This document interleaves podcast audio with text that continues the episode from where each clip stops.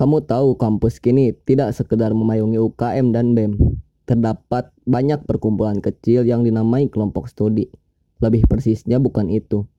Tapi segelintir mahasiswa yang memusatkan perhatian pada isu-isu spesifik. Bahkan bukan isu biasa pula kesuka kesukaan tertentu. Penyuka kaos alternatif sama halnya dengan penyuka kelompok musik tertentu. Ada pula kelompok yang memusatkan perhatian untuk mengikuti lomba apa saja, menulis, berdebat, pidato hingga balap lari itu belum underbow partai yang juga meramaikan perkumpulan mahasiswa. Tentu, yang paling signifikan adalah basis kelompok keagamaan yang meledak anggotanya di tiap kampus. Walau marak dengan jumlah dan nama gerakan, tapi krisis telah menghantui mereka. Tanyakan pada mereka apa banyak kadar yang terlibat dalam gerakan itu. Semua hampir mengeluh kian menurunnya minat mahasiswa ikut gerakan. Bertanyalah pada mereka, apakah tiap kali diadakan diskusi selalu ramai pengunjung?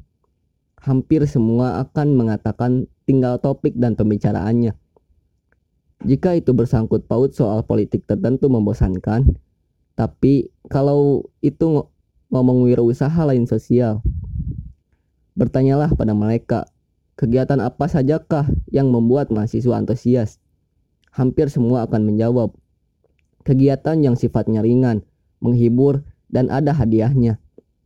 Jika diringkas dalam pertanyaan sederhana, mengapa kegiatan berjalan monoton seperti sekarang? Jawaban paling mudah, karena mereka mengalami ketakutan. Ketakutan tumbuh karena ada kepercayaan palsu yang beredar dengan sengaja diedarkan. Pada tahapan pada tahapan awal kepercayaan akan kuliah sebagai proses belajar yang bersenjang dengan disiplin yang ketat serta kriteria baku.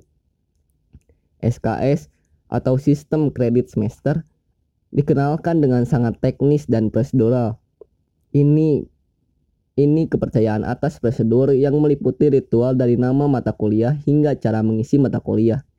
Jika perlu, ada banyak bukti yang tak terbantahkan bahwa kelalaian pada prosedur bisa mengundang kecelakaan fatal. DO, dan scoring adalah mekanisme sanksi yang diomongkan berulang-ulang. Kegunaan kepercaya kepercayaan ini adalah membuat stabilitas dalam kehidupan awal sebagai mahasiswa. Tak jarang, kepercayaan ini dipupuk dengan memberi panggung bagi mahasiswa teladan untuk bicara atau dosen dengan banyak gelar untuk ceramah. Ingat-ingatlah, bagaimana kamu bangga ketika menyandang status mahasiswa sekaligus khawatir akan sistem belajar yang berbeda. Bukankah kamu masih ingat bagaimana kamu khawatir dengan IP-mu atau dengan atau jika kamu tidak bisa datang kuliah tepat wak pada waktunya? Ketakutan kian dalam ketika kampus menanam kepercayaan atas nilai dan mata kuliah wajib yang mesti diikuti. Ada kelompok mata kuliah wajib yang harus lolos dari nilai bu buruk. Lalu kemudian juga ada ritual kegiatan yang juga mesti kamu lalui. Belum lagi ada mata kuliah tambahan yang melengkapi dan yang melengkapi apa yang diajarkan. Kemudian ada juga sejumlah kegiatan kelompok yang dikelola oleh senior kampus. Pokoknya, usaha untuk melangsungkan ritual kuliah tidak hanya apa yang tercantum pada rencana studi eh, pada rencana studi, tapi pengumuman mendadak yang ditempel. Di sana, ada praktikum hingga kegiatan keagamaan bergabung. Polanya juga sama, menjelaskan bagaimana imbalan jika mengikuti kegiatan ini. Tak lupa pula ancaman sekaligus perasaan bersalah jika tidak mengikutinya. Kegiatan ini punya ke kekuatan tangguh karena selain didukung oleh kampus, kerap kali juga diasuh oleh para senior yang selalu menguntit siapa saja yang tidak ikut. Coba ingat-ingatlah bagaimana praktikum yang mula-mula menyenangkan jadi membosankan dan majemuk, menjem, menjemukan. Tapi kamu takut jika tidak mengikutinya bukan? Kamu khawatir jika sekali saja tidak mendatangi kegiatan yang dilakukan oleh senior yang berpengaruh. Paling buruk dari ketakutan itu adalah fanatisme buta atas kepercayaan. Sialnya, Pandangan ini subur dan mendapatkan banyak pengikut. ciri utamanya adalah perspektif moral, moralis dalam menilai semua situasi. Bahkan tidak jarang, pandangan ini diturunkan dalam seperangkat kode moral yang wujudnya perilaku dengan dituntun oleh dogma. Efeknya, kampus marak dengan program-program moral yang lama-kelamaan jadi tirani di, mana kekerasan disahkan untuk menindas apa saja yang berbeda dari aturan moral. Perspektif moral ini dicirikan oleh oleh melihat semua gejala sosial dengan alat ukur perilaku yang terstandarisasi dalam kitab suci. Tidak hanya itu, bahkan semua bentuk pemikiran mesti disucikan dulu dan ditimbang dalam kriteria abad, abadi baik dan buruk.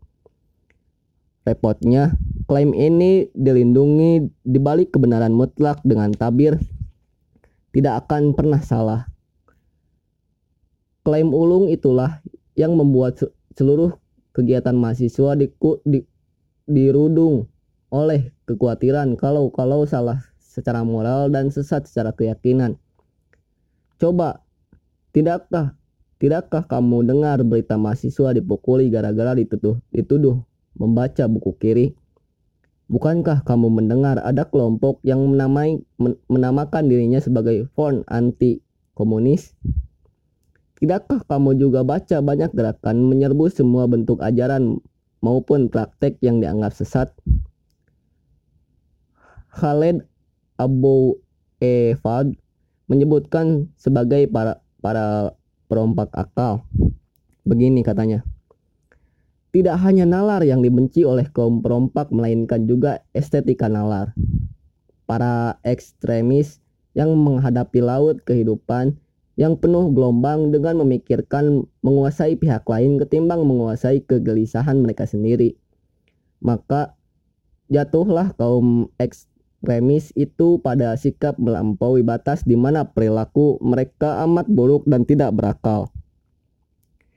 Maka merebaklah kampus dengan prasangka, tuduhan subur dan kecurigaan jadi wabah yang meluap ke mana-mana Atribut yang diletakkan pada mahasiswa selalu didahului oleh kecemasan. Dicetaklah informasi yang menggoreskan ke kekhawatiran itu. Tukang bikin onar, suka bertengkar, terlibat terorisme, hingga ikut aliran sesat. Keikutsertaan dalam aktivitas gerakan ditatap dengan rasa curiga dan dipertanyakan efektivitasnya. Jangkauan Pertanyaan itu agak meresahkan. Diukur dengan cara apa kalau orang aktif dalam gerakan itu membuat studi? Kriteria seperti apa yang membuat gerakan itu menyumbang banyak lagi perbaikan sosial? Kontribusi apa yang bisa diberikan oleh gerakan mahasiswa dalam atasi persoalan kampus? Kerap kali semua pertanyaan itu dihamburkan dengan seenaknya untuk menimbulkan ke kesangsian. Bersama pernyataan itulah gugatan atas gerakan mahasiswa terbit. Seakan gerakan mahasiswa itu adalah organisasi yang ketinggalan, tak membantu studi dan namanya tinggal sejarah. Puncak ketakutan itu adalah tidak mau untuk aktif, tinggal dan berada dalam gerakan. Suasana yang kemudian jadi berubah kewajaran sangat wajar jika menjadi mahasiswa hanya duduk, belajar, dan absen selama kuliah. Malahan aneh dan tidak wajar jika mahasiswa itu aktif, giat dan membangkang. Jika tak percaya, tanyakan pada dosenmu. Siapa di antara mereka yang pernah demonstrasi? Siapa di antara mereka yang pernah ditangkap polisi karena aksi? Siapa di antara mereka yang punya ide besar untuk perubahan? Siapa di antara mereka yang secara aktif mendorong kalian untuk aktif digerakkan? bisa dibandingkan tak banyak. Dapat disebut dosen semacam itu minim, maka tercetaklah pengalaman dirinya untuk kemudian dicocokkan dengan wewenang yang dipunyai. IP tinggi, aktif, absen hingga sekolah rajin ke luar negeri jadi jalur resmi untuk meraih kedudukan sebagai dosen. Sialnya, kedudukan ini mirip dengan jabatan pegawai kolonial dikuasai dengan cara menciptakan hubungan subjek-objek. Dikerahkan untuk mengukuhkan status quo dan diperluas melalui penciptaan patron. Coba lihat berapa banyak dosen mungkin ini jadi sifat staf ahli. Sebut saja siapa di antara mereka yang lebih menyukai jadi pengurus partai. Siapa di antara mereka yang duduk dalam posisi, posisi wakil menteri. Siapa di antara mereka yang menyukai menggarap proyek penguasa ketimbang terlibat dalam debat dengan mahasiswa. Kampus seperti rumah bordil yang menyediakan penjara pengetahuan untuk dimanfaatkan bagi keperluan apa saja. Bisakah kamu hidup dalam suasana akademis yang mencekam seperti ini? Suasana yang membuat kamu berada dalam ketakutan dan ketidaktahuan. Situasi yang membuatmu mengurus hal-hal yang sebenarnya tak ada manfaat dan kegunaannya. Lingkungan yang telah membuatmu bertindak dan berpikir kerdil. Suoki punya pertanyaan dan gugatan serupa untuk kamu, untuk kita, dan untuk semua mahasiswa. Begini, katanya. Ada satu hal yang tidak mengerti tentang fakultas hukum di Indonesia. Begitu banyak tahanan yang ada. Yang ter yang terkantung-kantung nasibnya di penjara. Dan ada begitu dan ada begitu banyak mahasiswa fakultas hukum beribu-ribu dan hampir di, di setiap universitas, apakah tidak sebaiknya mereka sebelum mereka lulus, mereka harus mengurus sebuah perkara yang tergantung-kantung berbulan-bulan atau bertahun-tahun yang di kota mereka, atau mengurus sebuah kasus pelanggaran hukum, sehingga mereka terlihat secara konkret tahanan-tahanan yang kurus, polisi-polisi yang menjadi maling, agar hukum tidak menjadi teori-teori yang jelimet. Bagi saya, lebih berguna mengurus perkara tukang sayur yang disewenang-wenangi polisi daripada mengurus seminar besar yang tak dapat dilaksanakan. Kini, bukankah kamu bisa bertanya pada dirimu sendiri, pengetahuan macam apa yang telah ditanam kepadaku? Siapa yang sesungguhnya mengajariku seperti ini? Melalui cara seperti apa sehingga aku benar-benar tidak merasa berkutik untuk melawannya. Singkatnya, kampus telah membawa ketakutan itu jadi keyakinan dan kekhawatiran itu jadi pikiran. Maka kuliah hanya menjadi upaya untuk menanam benih masa bodoh dan sikap tidak peduli. Mau dibilang apa Mau dibilang apa jika ada ketidakadilan di kampus kamu hanya berdiam diri saja? Mau disebut apa jika ada penindasan pada sesamamu, kamu hanya ribut kuliah saja? Lebih tepatnya, kamu telah dibutakan oleh ke kenyataan dan ditipu habis oleh penjelasan. Kini, waktunya kamu keluar dari keributan itu. Tengok keluar dan sentuh derita itu dengan emosi serta nyali. Jangan puas kamu dengan materi kuliah yang disampaikan. Jangan pula kamu diberdaya oleh janji atas masa depan. Nyata sudah, kampus telah jadi kuburan bagi kebenaran dan keberanian. Bangkit dan berdirilah. Sadari dirimu bahwa kamu sudah lama dibius oleh janji dan di, diperdayakan dengan mimpi. Apakah hukum?